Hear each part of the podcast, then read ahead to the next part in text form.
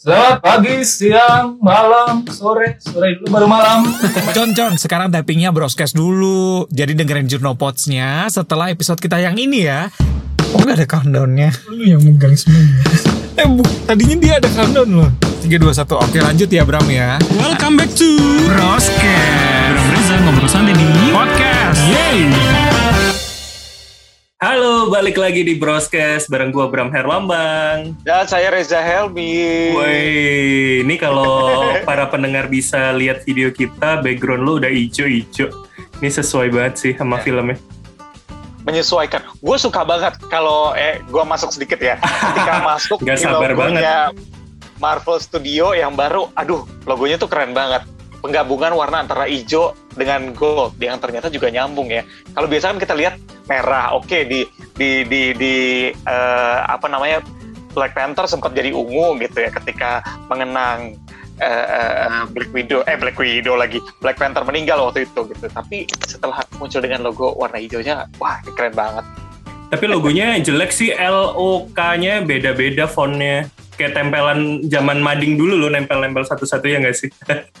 bener tapi kan tidak ada yang tidak ada yang sia-sia di Marvel Studios ya itu pasti ada pertanda-pertanda khusus Oke, gue langsung nembak lo nih. Lo setelah nonton episode pertama gimana? Sama nggak lo boringnya ketika nonton episode pertama Falcon and Winter Soldier waktu itu?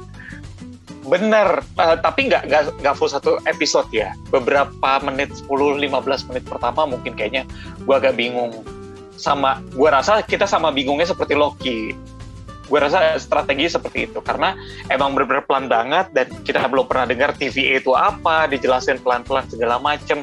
Timelinenya maju mundur maju mundur gitu kan. Tapi setelah dia ketemu dengan Agent Mobius dari situ mulai perlahan-lahan dijelasin pelan-pelan sampai akhirnya lah kok udah selesai aja gitu. Gak terasa udah 50 menit ternyata Tapi yang awal-awal tuh yang menjadi keheranan gue adalah ketika ini kan nyambung ya ceritanya dari Endgame di apa di New York waktu itu ketika Tesseract akhirnya dibawa sama Loki. Nah, yang gue bingung adalah ketika si para agen TVA ini megang Tesseract kayak segampang itu gitu loh. Kayak itu kan benda yang wah dan sakral banget ya di dunia manusia, di dunia kita gitu. Nah, di situ kayak oh dibawa aja segampang. Jadi kayak nggak ada harganya sampai pada endingnya nanti ternyata banyak banget Infinity, Infinity Stone dalam lacinya para TVA agent itu. benar nah ini masuk ke salah satu fan teori nih katanya Hmm. TVA is the most powerful force in the universe Bahkan Sama kayak pertanyaan bilang, Loki dong ya. Heeh, Tesseract tuh dibikin ya udah lo pegang di sana tuh biasa aja gitu Infinity Stone aja Infinity Stone sampai jadi ganjelan kertas dan segala Iya, macam dan mereka punya benar. banyak di sini Gak ada harganya cuy. Widow harus mengorbankan dirinya demi Infinity Stone untuk Soul Stone Mhm. itu. Bener, tapi eh, ini gue mau nanya juga nih. Biasanya kan kita lihat dua series di hari Jumat. Yang biasanya habis nonton Hmm. kita weekend. Lu merasa disorientasi nggak sih ketika nonton nih? Rabu, habis gue nonton, gue masih punya Kamis dan Jumat. Tuh lama banget buat weekend. Bener, cuma itu strategi yang bagus dari Disney. Karena Black Widow akan tayang tanggal 9 Juli nanti dan itu hari Jumat. Wow. Ketika dua-duanya head to head di hari Jumat, itu akan merugikan Disney sih. Tapi gue pikir baik dia karena karena ada Star Wars yang kemarin nggak sih akhirnya dipindah ke Rabu? Ya, ya juga sih. Tapi yang dari gua baca tadi, strateginya Disney seperti itu supaya tidak ada head to head nih antar MCU Mhm. gitu antara Loki dan juga Black Widow. Karena kan sama-sama bukan eh, Avengers ya, mereka eh, berdiri sendiri gitu masing-masing. Ketika mereka head to head dan kalau di Amerika kan tayang di Disney Plus dan di teater juga ya, gitu. Takutnya akan merugikan salah satu pihak. Jadi lebih baik Loki tayang duluan hari eh, hari Rabu gitu, Jumatnya ada Black Widow gitu. Baru nanti pekan depannya Loki episode terakhir. Jadi dibikin biar kita fokus ya mas satu-satu. Tapi buat gue hari Rabu kemarin gue tetap tidak fokus karena gue fokus sama BTS Meal. gue baru nonton Kamis. Bener gue juga baru nonton hari Kamis setelah disibukkan dengan BTS gue seharian. Untuk Indonesia salah sih itu waktu ya menurut gue. Bener. Eh tapi kan kita nggak cuma berdua doang. Oh iya ini. betul. Kenalin dong, ada rekan kita yang sudah bergabung di sini. Ada Karodi Satria. Halo, Kak. Wey. Hai, halo. Dan dari tadi kita udah ngobrol-ngobrol. Ternyata Karodi ini berkesempatan begitu ya bisa uh, nonton duluan bukan cuma satu tapi dua episode Wow. plus wawancara one on one dengan Owen Wilson aka Agent Mobius. Mobius. Nah, nanti, nanti kita akan menggali lebih dalam ke sana ya. Tapi Iya. gue mau nanya dulu sama Karoni nih. Eh, Oke, pengalaman lu setelah nonton dua episode pertama gimana nih kak? Gue kalau waktu uh, nonton, ini kan memang nonton dua episode pertama dikasih akses karena memang gue uh, akan mewawancarai ya, salah satu tokoh atau karakter di Loki ini yaitu dapatnya Owen Wilson. Nah, uh, jadi supaya dapat gambaran apa yang mau ditanyakan ke Owen, tentu kan mesti nonton dulu gitu. Ataupun juga mereka juga ngasih brief masing-masing karakter, semua karakter dikasih briefnya. Ini apa dan segala macam. Bahkan uh, TVA itu gue udah tahu duluan sebelum gue nonton karena udah diterangin duluan jadi jadi udah udah udah pokoknya briefnya tuh lengkap banget sampai akhirnya uh, udah punya bayangan lah oh ini akan akan seperti apa sih gitu nah setelah nonton yang pertama uh, gue juga seperti yang tadi uh, Reza ngomong bahwa uh, kok gini ya pace-nya uh, agak berasa nggak biasa kita nonton film ya kalau Marvel kan main di film jadi kayak uh, ini ya semua tuh semua serba serba cepet kita diminta mikir cepet dan segala macam. Kok ini kayak yang kok harus diterangin semua kok kayak uh, ada penjelasan ekstra yang dikasih sama uh, dialog-dialognya itu yang gue butuh ada dalam bentuk action yang lebih gitu loh. Itu ekspektasi gue saat episode pertama. Tapi berhubung gue punya kesempatan nonton episode kedua ya udah gue tonton lah gitu. Setelah nonton kedua nah ini baru jawabannya di situ. Di situ baru gue kayak yang ini gue harus nonton sampai selesai gitu sih. Karena nggak gue nggak tahu kenapa episode 2 tuh kayak uh, apa ya itulah Loki. Nah kayak gitu. Itulah uh, Marvel. Baru di situ ditunjukin. Gue yang kayak kenapa sih baru dua gitu loh? Apa pertama ini cuma buat mancing doang karena biar ya namanya mungkin promo mereka supaya orang nonton. Akhirnya yang di pertama ini episode pertama ini di, orang pasti nonton rame gitu kan.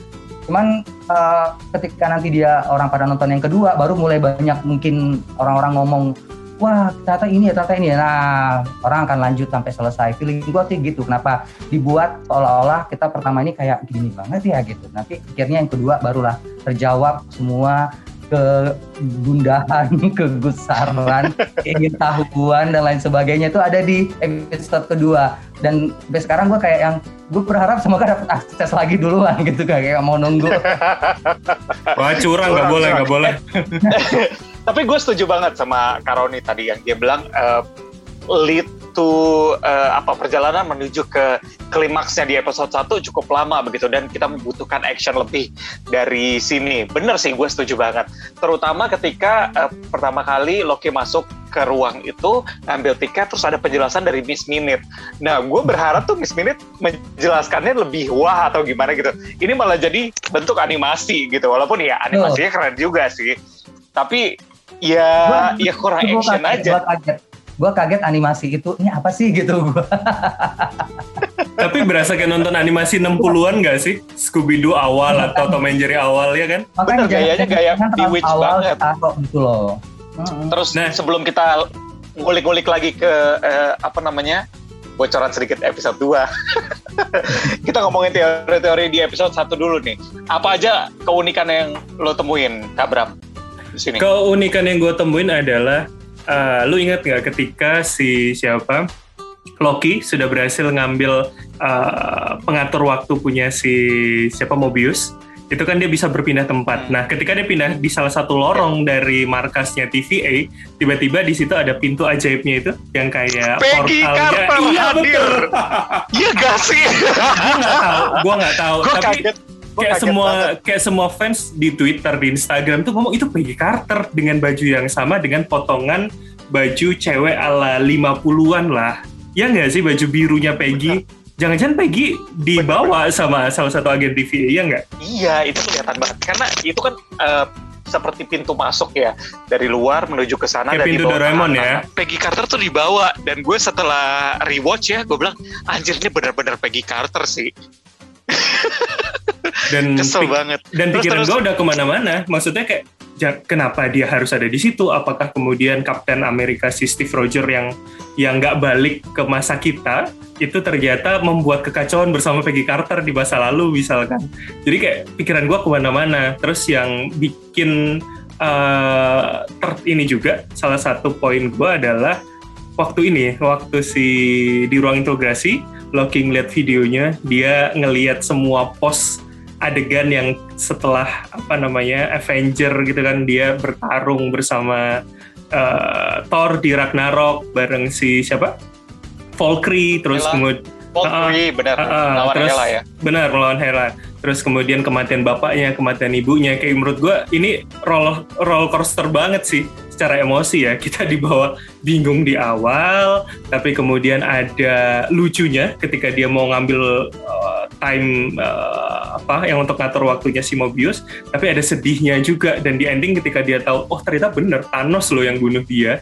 Dan akhir dari pita filmnya itu kayak wah gue ikut sedih rasanya. Jadi menurut gue itu menjawab sih. Kan kita selalu bertanya bener nggak di di Infinity War waktu itu dia dicekik sama Thanos itu beneran dia atau jangan-jangan dia lari? Ternyata kayaknya itu beneran Nah. dia. Eh, eh, terus apalagi yang yang gue temukan Hmm, adalah akhirnya setelah kita tunggu-tunggu dari WandaVision. Siapa? ada Mephisto. eh masa itu kan itu kan belum dibilang dia cuman karena anak kecil nunjuk gambar yang ada di gereja doang dong Ya at least itu udah dikasih clue sedikit. Oke akhirnya Mephisto akan hadir nih, nggak cuma jadi teori doang, nggak cuma jadi kambing hitam dari orang-orang ya. Mm-mm. Gue sih berharap benar-benar Mephisto bisa hadir lah. menjadi dalang semuanya Bener, biar kita punya yang disalahin Eh. dari semuanya ini. Bentar, bentar. Lo inget nggak kenapa ketika si Mobius bilang "Eh, kenapa kita membutuhkan Loki? Karena ternyata yang lagi dihadapin adalah Loki di tahun 1800-an yang di padang rumput banyak. Nah, jangan-jangan itu Loki beneran atau Loki yang misalkan dikendalikan Mephisto kayak kita lagi berandai-andai waktu WandaVision. Gimana kalau kita tanyain Kakak Roni nih yang udah nonton episode 2? Me- Terjawab nggak pertanyaan itu? Please jangan banyak Kalau- spoiler, please, please, please, please. yang pasti gue gak akan ngasih spoiler karena pertama memang eh, yang pasti lo harus nonton. Eh, tapi episode 2 itu sebenarnya lebih sentralnya akan lebih banyak ke ke konektivitas antara eh, itu tadi si Loki dan Mobius itu. Kalau misalnya lo nonton liputan gue, cie, kan tadi udah tayang nih ceritanya Oh, iya, sama Owen. Gue eh, di kalimat terakhir gue buat berhasilkah Mobius merubah eh, Loki kayak gitu. Nah itu tuh itu juga pertanyaan gue sebenarnya karena di di dua itu gue masih pengen untuk jawabannya ada di episode berikutnya apa bener ya gitu nanti akan akan ada akan menjadi sosok Loki yang seperti apa gitu. Karena ada ada hal yang gue lihat eh, apa ya ada yang ada hal yang mereka ingin tunjukkan dari sisi lain dari Loki itu gitu. Mungkin nggak berubah tapi sisi lainnya. Nah di situ cerita-ceritanya itu yang mulai mulai dimainin. Gue lebih melihat dari sisi humanisnya ya. Kalau tokoh-tokoh yang misalnya lo ceritain tadi gue nggak nggak terlalu ngikutin karena gue nggak terlalu freak sama nggak terlalu ngikutin dengan dengan tokoh-tokoh tersebut. Tapi eh, bagaimana mereka saling eh, menguatkan sosok atau karakter ini itu yang gue cermatin gitu kan. Karena ketika gue wawancara Owen gue juga eh, bertanya terkait apa yang membuat lo yakin menerima eh, peran ini gitu. Kan orang tahu bahwa dia baru pertama join Marvel.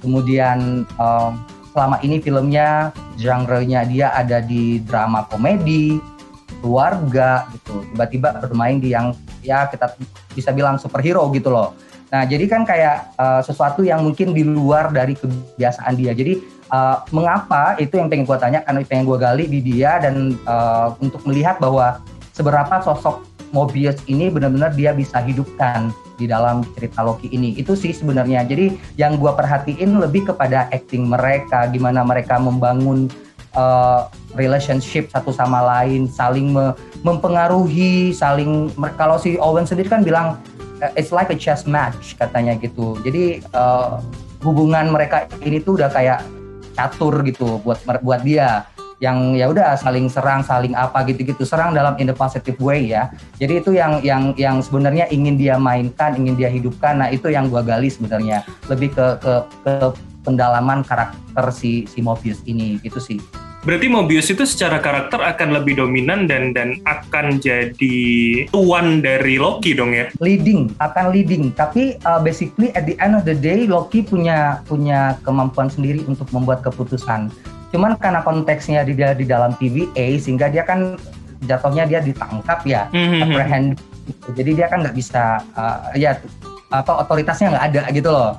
Nah itu doang sih yang yang yang membuat Mobius ini bisa dalam tanda kutip mendominasi dia di di situ. Itu sih uh, tarik ulur tarik ulur ini gitu. Trust issue di situ gimana? Karena yang percaya cuman Mobius gitu, sementara yang lain enggak di TVA gitu gitulah. Jadi uh, menariknya di situ kalau dari sisi sisi uh, karakter ya yang gue lihat.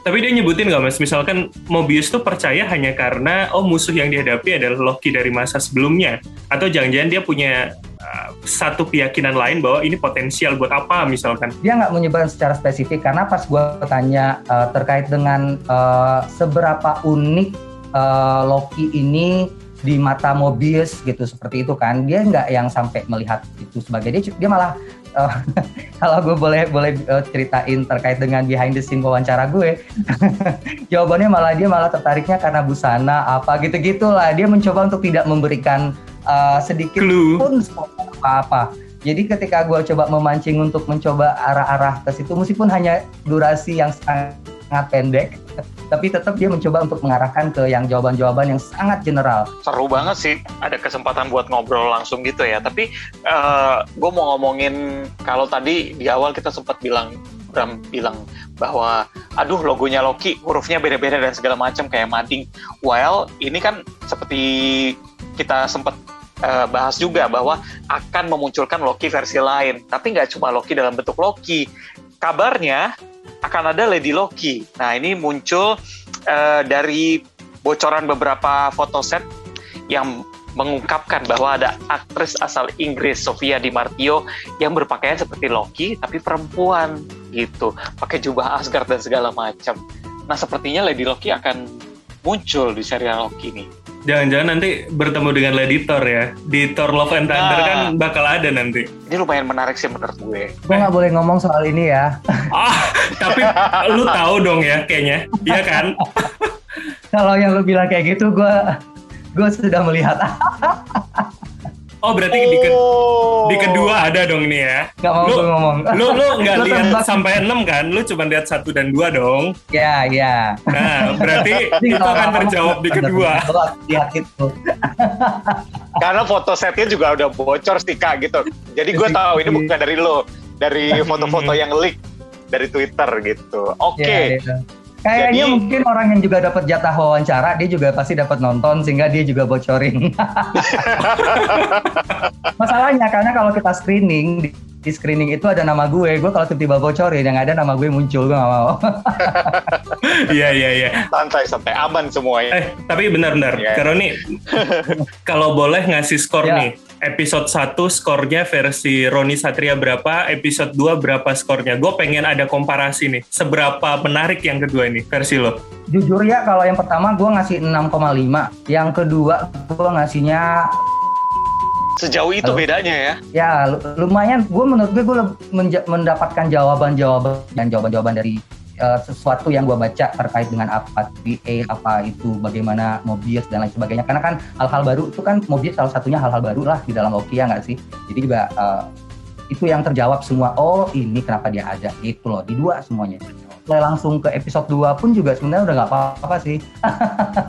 Melihat apa yang terjadi pada WandaVision juga kan kita mulai kaget justru di episode ketiga gitu. Semuanya berubah dan segala macam semuanya mengungkap. Nah ini sepertinya eh tensinya juga akan begitu. Pertama kita akan dibikin sedikit bosen, mulai naik di dua yang Karoni kasih nilai delapan setengah itu lumayan ya mudah mudah-mudahan nanti naik ke episode ketiga mulai 10 dan nilai sempurna terus sampai episode terakhir di episode 6 tapi Bram ini salah satu yang eh, apa ya menjadi pertanyaan besar dari kita adalah kira-kira siapa cameo yang akan hadir? Ini kan seperti sudah menjadi ciri khas dari phase keempat, di mana setiap uh, uh, seriesnya akan muncul cameo gitu. Nah, kira-kira siapa cameo yang akan hadir nih? Lo dengar-dengar teori gak sih? Uh, kalau gue sih mendengarnya adalah, dan gue juga berharap adalah Doctor Strange pastinya. Karena kalau kita lihat di awal ketika uh, Mrs. Minute tadi, uh, itu kan dibilang untuk mencegah adanya multiverse, multiverse crash bahasanya seperti itu. Nah, tapi kalau kita tahu Doctor Strange itu kan judulnya nanti Multiverse of Madness. Nah, jangan-jangan apakah uh, kekacauan yang dibuat Loki pada serial ini akan membuat banyak perubahan pada MCU ke depan? Apalagi Kevin Feige kemarin juga ngomong ini akan menjadi tonggak baru, ini akan punya dampak yang cukup besar ke banyak cerita-cerita MCU baik itu yang di versi bioskop atau versi serial kayak gitu sih. Apalagi misalkan dengan tadi ada uh, Lady Loki, terus kemudian beberapa juga akan ngomong ini akan nyambung ke Ant-Man Quantumania dengan si karakter siapa? Uh, yang gue catat namanya Revona, Revona itu yang si hakimnya itu, itu ternyata dia punya silsilah kenapa dia bisa di situ dan akan dia punya peran penting katanya kan begitu. Jadi menurut gue ini menarik banget ini akan banyak banget cabang yang bisa dilanjutkan sih sebetulnya dari Loki ini. Benar, benar, benar. Tadi gue mau narik sedikit penjelasan lo. Benar, ketika uh, balik lagi Loki masuk ke ruang pertama, dia dapat tiket, kan ada penjelasan dari Miss Minute yang tadi lo jelas. Miss Minute itu menjelaskan ketika ada Nexus event yang disebabkan oleh varian, Nexus event tuh uh, varian adalah si Loki gitu ya. Nexus event terjadi ketika Loki ngambil Tesseract. Nah, ketika Nexus event terjadi, maka akan besar terjadi kemungkinan Multiverse of Madness dan itu sudah jelas-jelas dari judulnya Dokter Strange nanti gitu. Bener sih, mungkin ini akan menjadi pemicu uh, uh, apa namanya perang banyak kekacauan gitu ya. Banyak kekacauan. Tapi harapan gue sih jangan sampai ini cuma dijadiin apa ya alasan untuk mengembalikan karakter-karakter lama gitu ya yang Iron Man sudah mati gitu nanti karakternya bisa dihidupkan lagi dengan adanya ini dan segala macam. Semoga nggak gitu karena nanti kita akan jadi bosen sih menurut gue. Tapi gue ma gitu. gue masih berharap Steve Rogers akan balik sih dengan Peggy Carter ya. Gue pengen tahu cerita mereka di masa lalu romansanya gimana. Apalagi versi komik ternyata mereka punya dua anak loh yang yang menurunkan kemampuan dari super soldiernya Steve Rogers. Benar untuk nanti mereka bergabung dengan yang Avenger yang sepertinya juga akan muncul gitu. Benar, tapi, benar. Balik lagi nih, kalau Mas Roni bilang kan tadi ternyata akan ada sosok lain dari Loki kan. Apakah ketika kita sambung-sambungkan dan cocok Loki, ini jangan-jangan bukan salah Loki nanti, akan ada dalang besarnya di belakang ini. Gimana Mas Roni? Dal dalang besar gue nggak bisa pastiin ya, karena memang gue juga terbatas hanya di dua episode doang. Tapi uh, pokoknya apa yang ingin disampaikan di situ bahwa si Loki ini dia kan apa ya menunjukkan bahwa dia kuat gitu loh. Dan ternyata bukan uh, he's not the only one that have a strong power gitulah ditunjukin di kedua itu gitu loh. Dan akhirnya dia juga juga jadi yang kayak oh ternyata gue nggak kuat-kuat amat gitu lah cerita. Pokoknya menunjukkan tapi dia berusaha untuk untuk untuk mencoba. Aduh kalau jadi jadi spoiler gue jadinya ya. Kalau gue lanjutin. Itu pokoknya akan terjawab nanti kenapa oh ini maksudnya gitu loh. Di situ tapi memang masih dibuat bener-bener gue gampang juga. Gue nggak bisa prediksi tiga kayak apa empat kayak apa sampai ke enam kayak apa gue nggak bisa prediksi. Cuman dari ketika satu yang yang tadinya gue agak melempem tiba-tiba uh, di dua gue langsung naik lagi gitu loh. Itu yang yang yang yang membuat gue uh, menunggu tiga itu kayak apa gitu loh. Menarik banget. Oke, okay, sayangnya kalau kita tinggal nunggu beberapa hari lagi menuju episode kedua, Karoni masih harus nunggu seminggu berikutnya lagi untuk menuju episode 3 ya. Tapi nggak apa-apa, nanti rewatch episode kedua aja dulu ya. Ini pertanyaan terakhir buat Mas Roni. Hmm.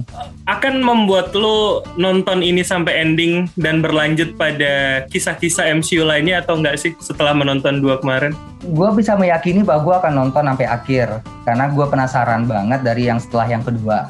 Uh, Avengers Endgame ya sampai Thor aja. Jadi konektivitas di mana mereka membolak-balikan waktu di waktu itu tuh gue nggak nggak terlalu notice bahwa gue hanya fokus di satu film itu selesai selesai selesai. Ketika seri seri ini muncul itu seperti mereka dia mencoba untuk memainkan semua gitu loh. Akhirnya gue jadi yang uh, awareness gue muncul oh ternyata maksud mereka membuat benang merah ini semua di di sini. Nah benar yang lo bilang bahwa tadi uh, baik Reza maupun Bram ngomong kayak akankah mungkin bisa-bisa merubah uh, nanti MCU seperti apa ke depannya?